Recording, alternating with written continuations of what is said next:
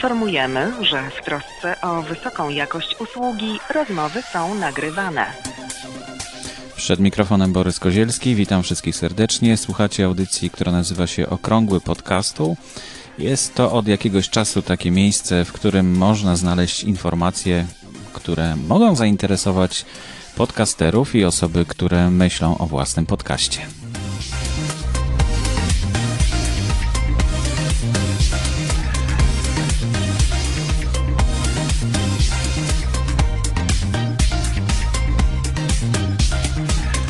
A dzisiaj e, w audycji rozmowa z Mateuszem Górskim, który współtworzy e, serwis patronite.pl.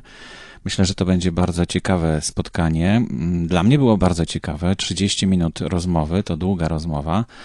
Na temat zasad funkcjonowania patronite.pl znajdziecie odpowiedź na pytanie, jak to działa, jak się rozwija patronite.pl, co powinien mieć profil autora, ile to kosztuje i jeszcze pewnie sporo odpowiedzi, bo było kilka dygresji e, podczas e, tej audycji. E, Znajdziecie może od, odpowiedzi na swoje pytania, a gdyby nie, to zawsze można skontaktować się bezpośrednio z Mateuszem. Zapraszam gorąco.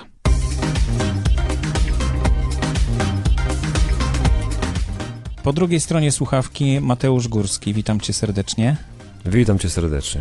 Bardzo się cieszę, że znalazłeś chwilkę czasu, żeby opowiedzieć e, podcasterom i chętnym do podcastowania, m, do tym, którzy chcą stworzyć swój podcast, o takim serwisie, który ostatnio otworzył się również na podcasterów, chociaż on był zawsze otwarty na podcasterów, E, ale, ale od ostatnio y, stworzyliście tam kategorię podcasty. E, Ale może zacznijmy od początku. Co to w ogóle jest Patronite? Patronite.pl, tak? To jest adres strony internetowej. Tak, y, dosłownie to jest anglojęzyczna nazwa, więc y, czytamy to patronite.pl, aczkolwiek polskie odzorowanie również nie jest błędem. Patronite.pl to jest serwis, który umożliwia odbiorcom wspieranie ulubionych autorów poprzez comiesięczne, regularne wpłaty, które trafiają na konto autora i pomagają mu się rozwijać, pomagają mu wzmacniać jego pasję, pozwalają mu otworzyć nowe możliwości. Być może dla niektórych słuchaczy y, brzmi to nieco jak crowdfunding, ale jest to nieco inna forma. W crowdfundingu mamy klasyczny model, w którym zbieramy na jeden projekt i gdy tylko zostanie uzyskana dana kwota, projekt się kończy, zamyka się i otwiera się gdzieś kolejny z nowym autorem. Natomiast jeżeli... Tak, i nawet, Tak. Nawet niektóre crowdfundingi nie pozwalają na to, żeby wznawiać jak gdyby ten sam projekt e, ponownie uruchamiać, Dokładnie, prawda? dokładnie. I też jest w niektórych crowdfundingach tak, że jeżeli nie uzbiera się dana kwota, no to automatycznie wszystkie pieniądze wracają do e, osób wpłacających i wszyscy rozchodzą się z niczym. Natomiast Mhm. Patronite działa na zasadzie regularnego comiesięcznego wsparcia, czyli tak zwanej subskrypcji. To jest wpłata, która trafia do autora co miesiąc. Czyli na przykład, jeżeli ktoś obejmuje patronatem danego autora, wpłaca mu 10 zł miesięcznie. I taka kwota Znaczy dek- deklaruje, tak? deklaruje że dokładnie taką kwotę wsparcia. To już absolutnie wolny wybór według tego, co autor ustawił w progach, czyli takich mm, konstruktach, w których zawierana jest kwota, ale też nagroda, którą otrzymuje patron za to, że wspiera danego autora. I tutaj już Aha, czyli autor określa te progi Tak jest. y, i, i to jak gdyby może sobie potem wybrać ten człowiek, który chce wspierać, dokładnie tak to wygląda. Czyli autor deklaruje na przykład progi w wysokości 5, 10, 20, 50 i 100 zł, w każdym określając dokładnie nagrodę, która przysługuje patronowi za wykupienie, subskrybowanie tego progu. I absolutnie Mhm. mogą to być różne rzeczy, czy wymienienie w napisach końcowych przy odcinku, czy też wpisanie na specjalną listę patronów, albo takie bardziej niesymboliczne rzeczy w przypadku artystów, na przykład przesłanie obrazu raz na pół roku, w przypadku podcasterów y, na przykład obietnica, że dla osób wpłacających w danym progu pojawi się specjalne nagranie, które będzie przeznaczone tylko dla patronów. Możliwości jest naprawdę wiele, to jest strefa ograniczona jedynie wyobraźnią tak naprawdę autorów. No tak. I patroni wykupując te progi zyskują dostęp do nagród. I to jest taki system obopólnych korzyści, bo i autorzy mają comiesięczne wpływy, żeby móc lepiej się rozwijać, aby działać skuteczniej i z drugiej strony patroni mają też poczucie bliskości, bo dostają coś ekstra od tego swojego ulubionego autora, mogą się do niego zbliżyć. Często też autorzy wykorzystują Patronite do tego, żeby się komunikować bezpośrednio z Mhm. patronami, bo tak naprawdę patroni to najbardziej zaangażowani członkowie społeczności danego autora, no bo nie każdego stać na to, żeby zrezygnować chociażby z kawy czy piwa miesięcznie i przeznaczyć tą kwotę Mhm. na wpłacanie ulubionemu autorowi. No to jest naprawdę heroiczny gest i okazuje się, że Jasne. Polacy do tego dorośli, żeby korzystać z takiego modelu.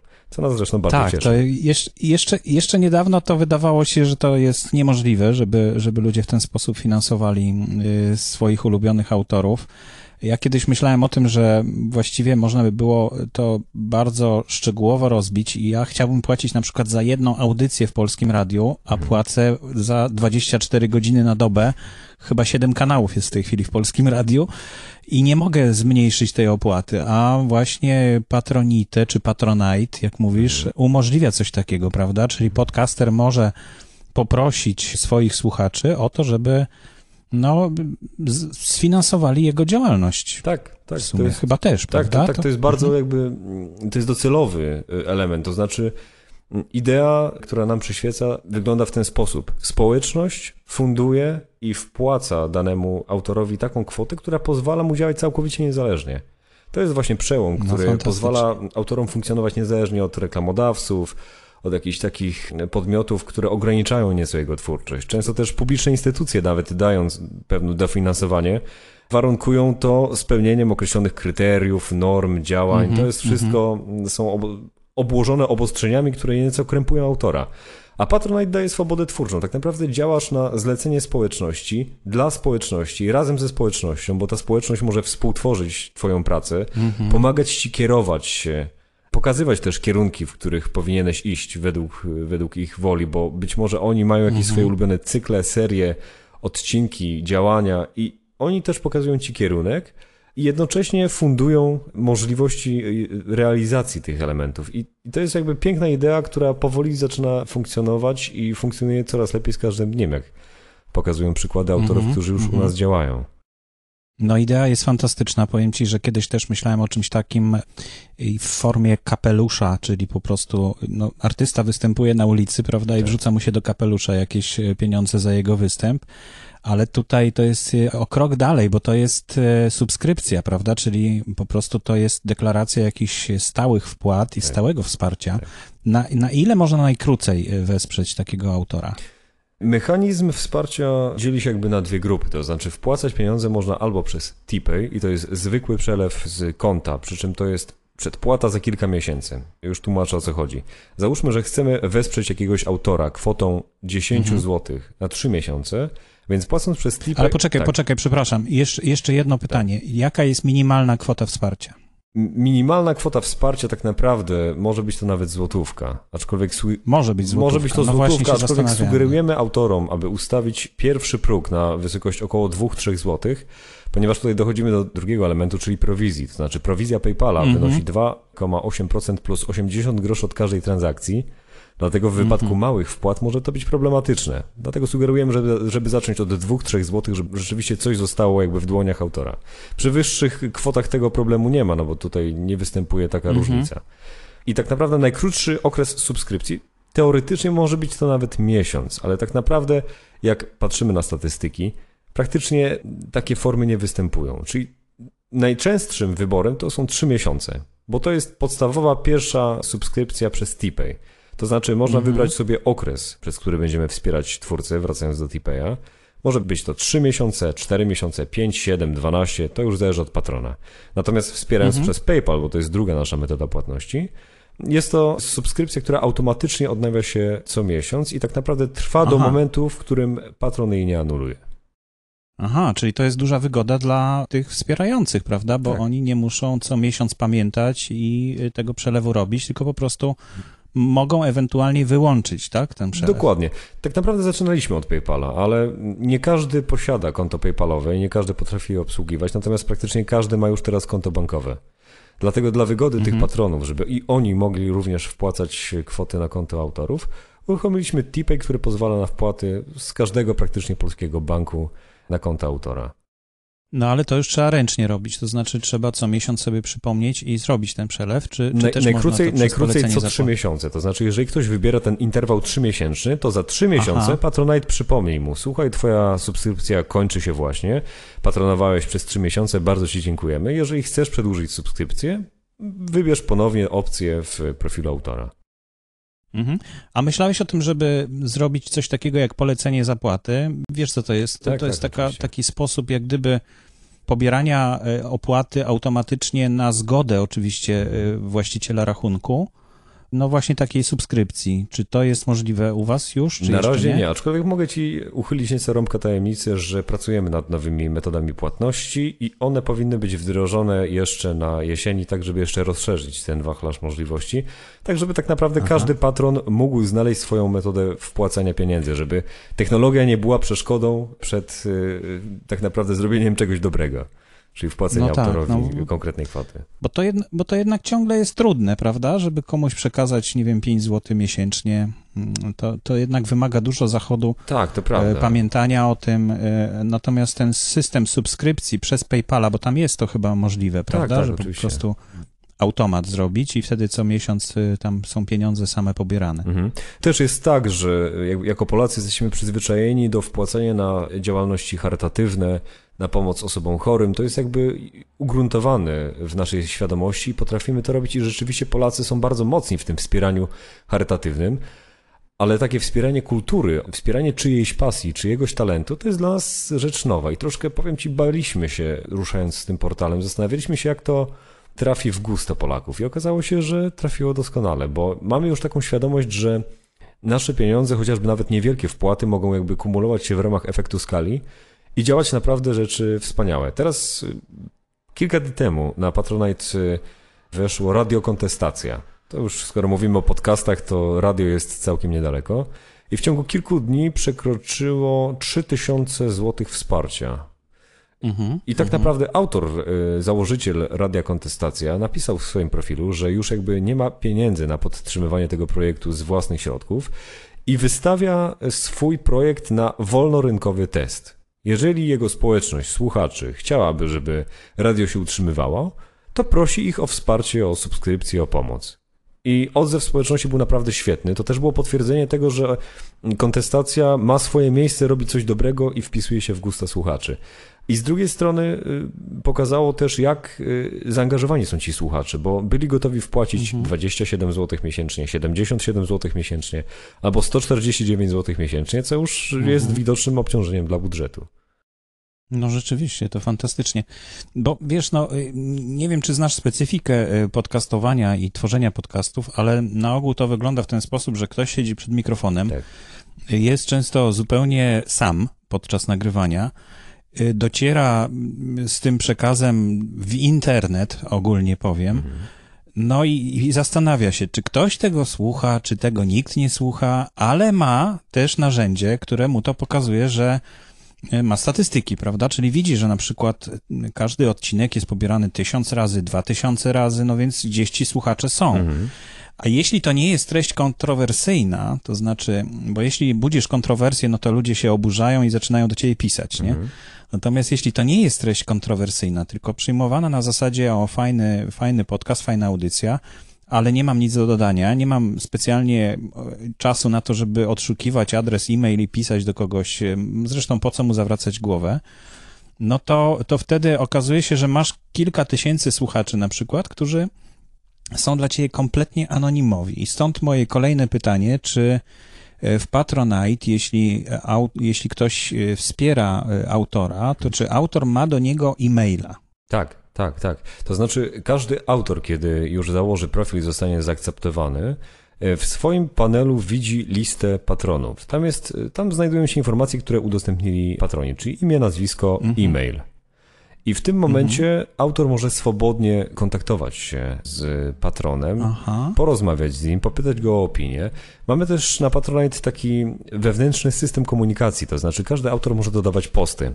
To są posty, które trafiają do patronów e, razem z powiadomieniem e-mailowym i odczytać mogą je tylko patroni. I też autor ma możliwość modyfikacji, na przykład, że mogą je odczytać tylko patroni od progu 30 zł wzwyż. Bo być Aha. może są jakieś, mogą realizować za pomocą tego nagrody. Ale to też jest forma komunikacji, to znaczy, jeżeli ktoś chce rozmawiać tylko ze swoimi patronami, widzę Krzysztof Gonciarz, nie musi tego robić przez jakiś skomplikowany system mailowy, nie musi zakładać grupy na Facebooku. Wystarczy, że doda post, określi do jakiej grupy ma trafić, czyli że ma trafić do patronów i już możliwa jest komunikacja, bo patroni w komentarzach wypisują swoje myśli, swoje opinie, a Krzysztof może na nie odpowiadać. No, w ten sposób na przykład zostaną wybrane miasta, które odwiedzi Krzysztof Gonciarz po swoim powrocie do Polski. Mhm, mhm. No fantastycznie. Masz, widzę, masę pomysłów na to, jak to można rozwinąć i, i to już się dzieje. Tak, tak, to cały tak. zespół na to pracuje, to te, nie jest tylko jakby moje dzieło, jest tu sztab Mhm. ludzi, który funkcjonuje No to opowiedz coś może, kiedy to powstało w ogóle, skąd ten pomysł i, i co to za firma robi w ogóle ten Patronite? Tak naprawdę Patronite powstał no, pod koniec ubiegłego roku, na przełomie ubiegłego i na początku tego roku. Na początku był to taka szkieletowa forma, która musiała jeszcze się nieco rozwinąć, jeżeli chodzi o technologię. Tutaj mamy silne zaplecze e, informatyków, którzy naprawdę znają się na swojej pracy i potrafią tworzyć cuda. W lutym, na przełomie lutego i marca rozpoczęło się pierwsze testy, wpuszczanie prototypu do sieci. Patronite zaczął funkcjonować i rozwinął się absolutnie lawinowo i przyznam Ci szczerze, dla nas w zaskakującym tempie. Nie spodziewaliśmy się, że Patronite rozwinie się tak szybko i że tak szybko stanie się popularny i tak naprawdę dla niektórych grup, to znaczy dla przykład youtuberów, staje się nawet modny. Mhm. Tam jest sporo oczywiście kontrowersji, ale o Patronite tak naprawdę po pół roku jego rzeczywistego funkcjonowania większość blogosfery, większość youtuberów już słyszała, rozpoznaje, wie, wie jaka to jest marka. Mhm. To jest naprawdę eksplozywny rozwój, który nas e, zaskoczył.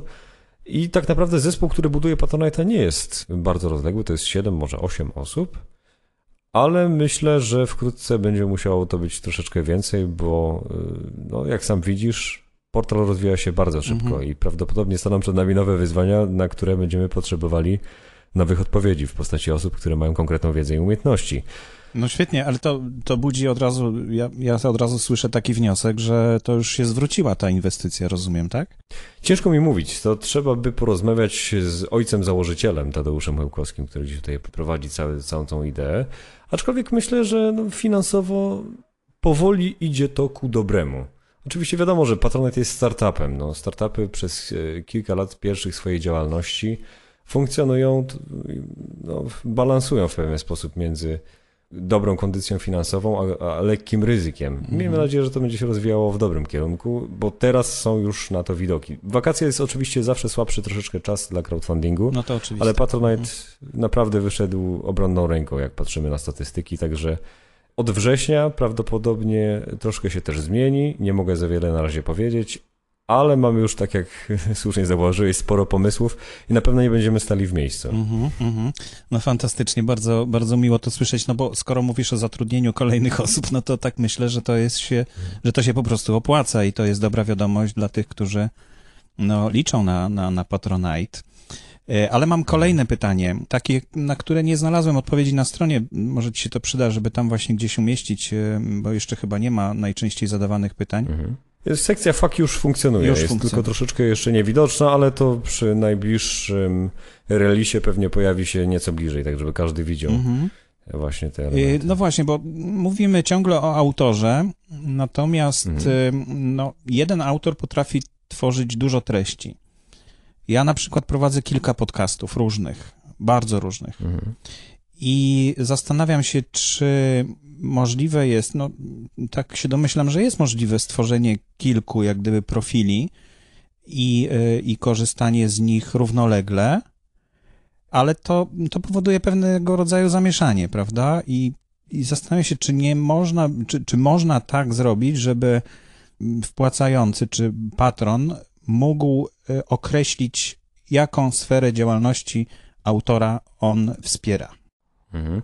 Powiem tak, tutaj bardzo wiele zależy od autora. To znaczy, on sam musi przemyśleć, co będzie dla niego korzystniejsze. Czy skupienie kilku projektów w ramach jednego profilu, to znaczy, że jeżeli ktoś prowadzi kilka podcastów i chciałby je wszystkie jakby zgromadzić, pokazać pod swoim nazwiskiem, że tworzę to ja i możecie mnie wspierać we wszystkich tych projektach, i oczywiście będzie kilka społeczności zorganizowanych wokół ka- każdego podcastu, to to jest jedna droga i oczywiście można to zrobić. Drugą drogą jest właśnie dywersyfikowanie tych profili i absolutnie otwieramy możliwość dla otwarcia profilu dla każdego osobnego projektu, bo to też dla niektórych jest znacznie korzystniejsze. Jeżeli ktoś jest rysownikiem i jednocześnie prowadzi podcast, to być może będzie chciał otworzyć osobny profil dla siebie jako rysownika, a osobny profil dla swojego podcastu. I tutaj ma No właśnie, całkowicie właśnie wolną o tym rękę. myślę. Tylko czy, czy jeśli to będzie jeden profil jednego autora, który właśnie prowadzi na przykład działalność y, jakąś artystyczną i podcast, Mhm. to czy autor wpłacając e, pieniądze, może określić, że na przykład on wpłaca dlatego, że podobają mu się jego rysunki, a nie podcasty.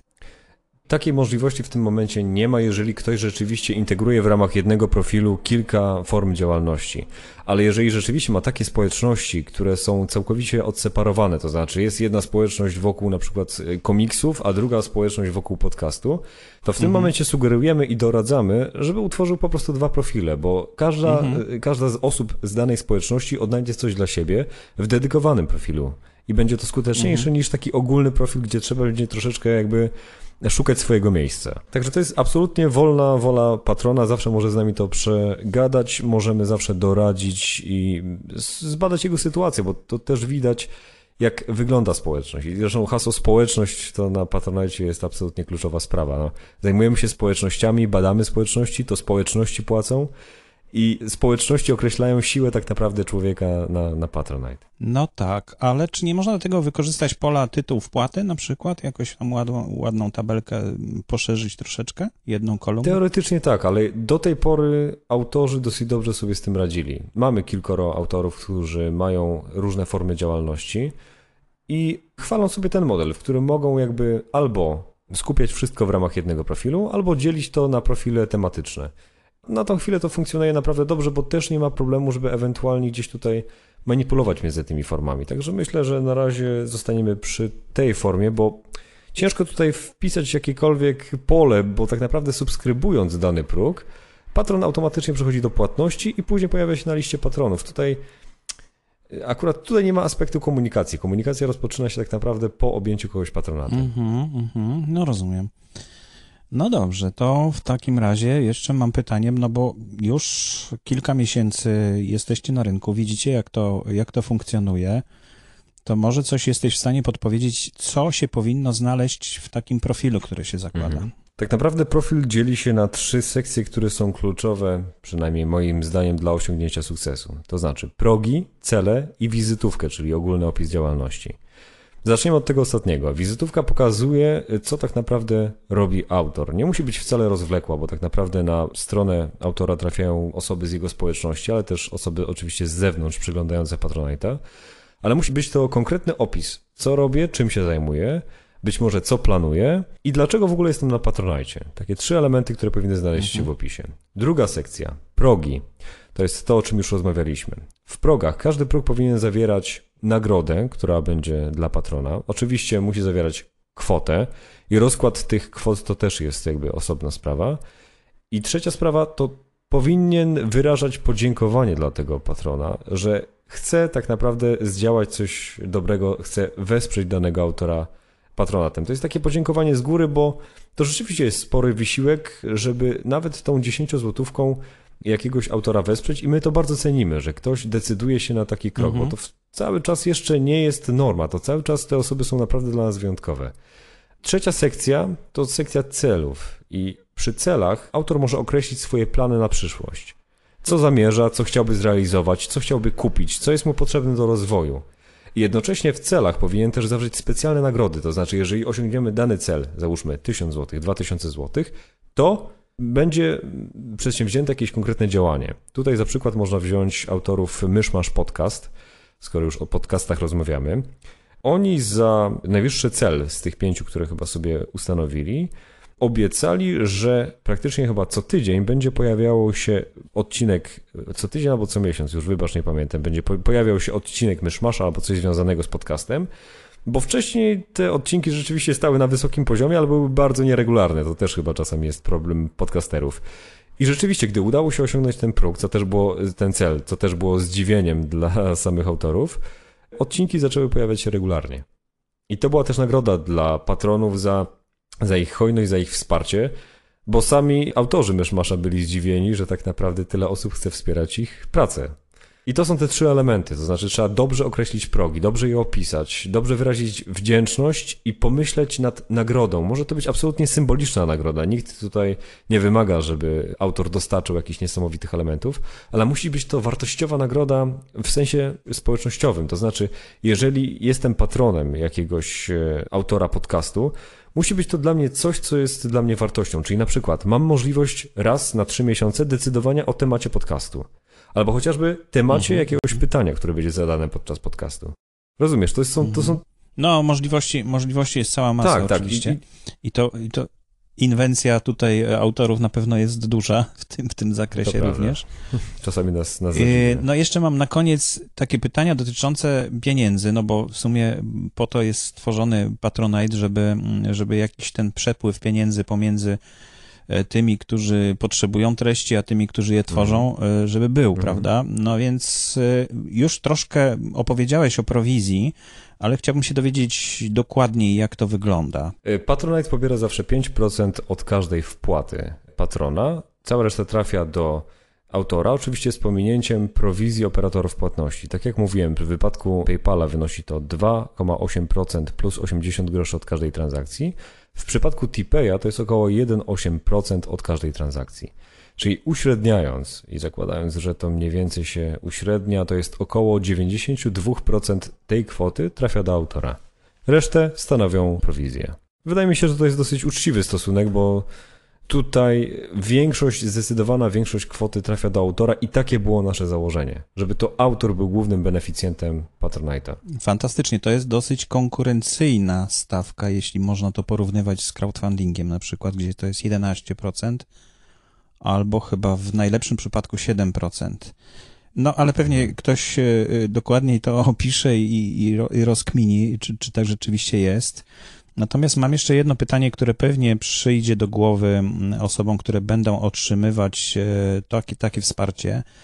Czy te pieniądze to jest darowizna, czy to jest jakaś forma zapłaty za treść? Tak naprawdę tu jest wiele wątpliwości i każdy przypadek trzeba rozpatrywać indywidualnie, bo też polskie prawo nie daje generalnej interpretacji. Troszeczkę być może nie nadąża za rozwojem takich e, form płatności jak crowdfunding czy płatność subskrypcyjna. Dlatego tutaj trzeba naprawdę uważać i tak naprawdę nie mamy jednego wyznacznika, co można uznać za formę darowizny, a co nią nie jest. Mamy taki dokument, który został opracowany przez e, biura rachunkowe, który udostępniamy autorom, którzy już jakby funkcjonują na portalu. I też e, tam są wyjaśnione kwestie związane z rozliczeniami. Przy czym najlepiej skupić się na symbolicznych nagrodach, bo to jest jakby klucz całej sprawy.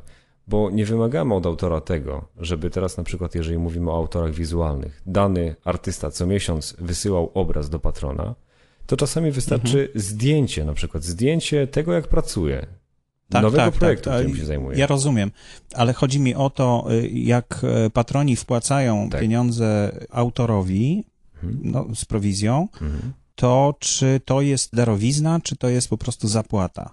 Czy to jest jakaś opłata? Bo to, to właśnie to rozróżnienie tutaj no, dużo, dużo robi, prawda? Bo Mhm. jeśli to jest darowizna, no to inaczej się to odlicza od podatku i tak dalej, i tak dalej. To są różne historie. Yy, Jak to jest określone w regulaminie? Czy, czy to jest nazwane w jakiś sposób, czy nie?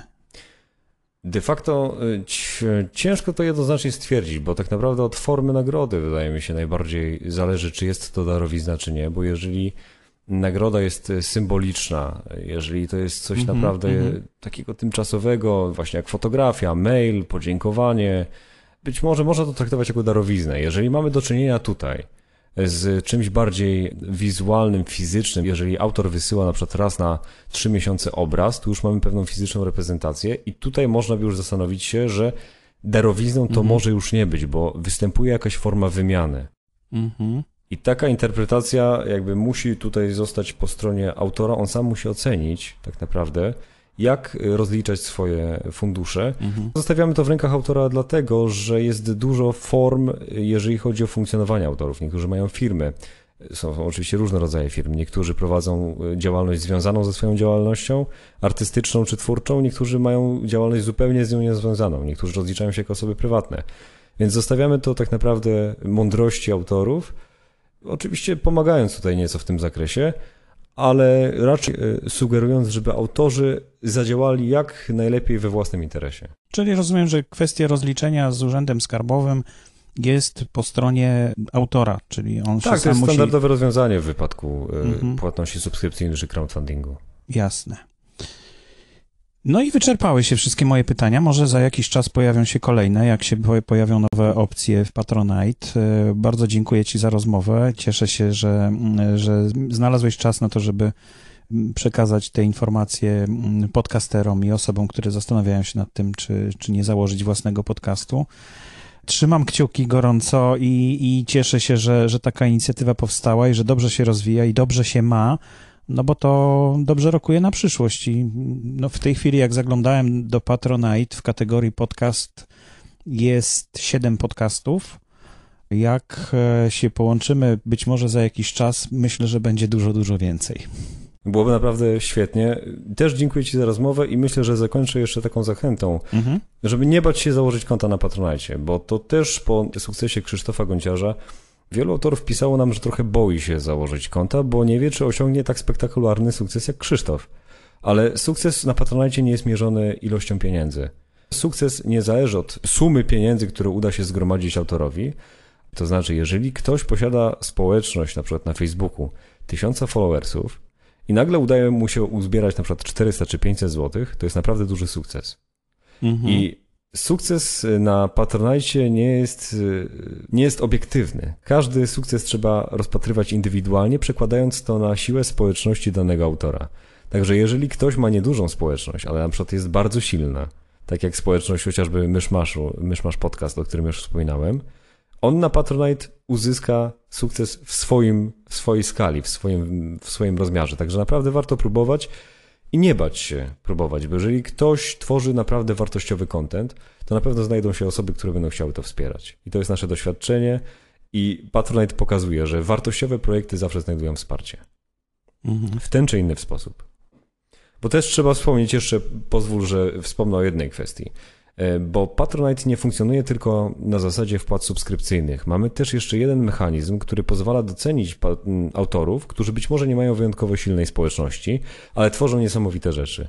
I to jest mecenat. To Mhm. znaczy, firmy mogą wziąć pod swoje skrzydła danych autorów, wpłacając im no, troszeczkę już nieco większe kwoty. Otrzymaliśmy od Zipse Cyfrowa Polska 150 tysięcy złotych, które systematycznie rozdzielamy pomiędzy autorów. Autorzy otrzymują około 3-3,5 tysięcy złotych, to się troszeczkę waha, grantu, który jest przelewany na ich konto.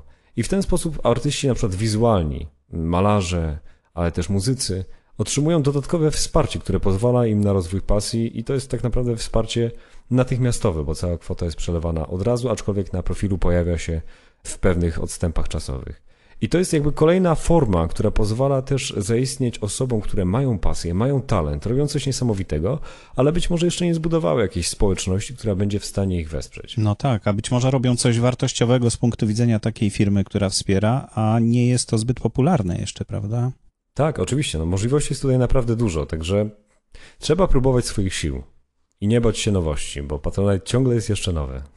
No powiem ci, namówiłeś mnie i będę zakładał chyba profil na, na Patron. Cieszę się bardzo i też zachęcam serdecznie każdą osobę, która słucha. Jeżeli, jeżeli nie jesteś jeszcze przekonany, napisz do nas, bo też jesteśmy jakby serwisem, który się nie zamyka. Jesteśmy serwisem, który stara się rozmawiać, odpowiadać, wchodzić w dialog, więc zapraszamy mail kontakt małpapatronite.pl albo na naszym Facebooku na pewno odpowiemy. Jest strona na Facebooku. Jak tego szukać? Po prostu patronite.pl. Tak, na pewno się pokaże i wyświetli. Mhm. I jest też na stronie internetowej waszej, czyli właśnie patronite.pl, taki komunikator chyba bezpośredni, prawda?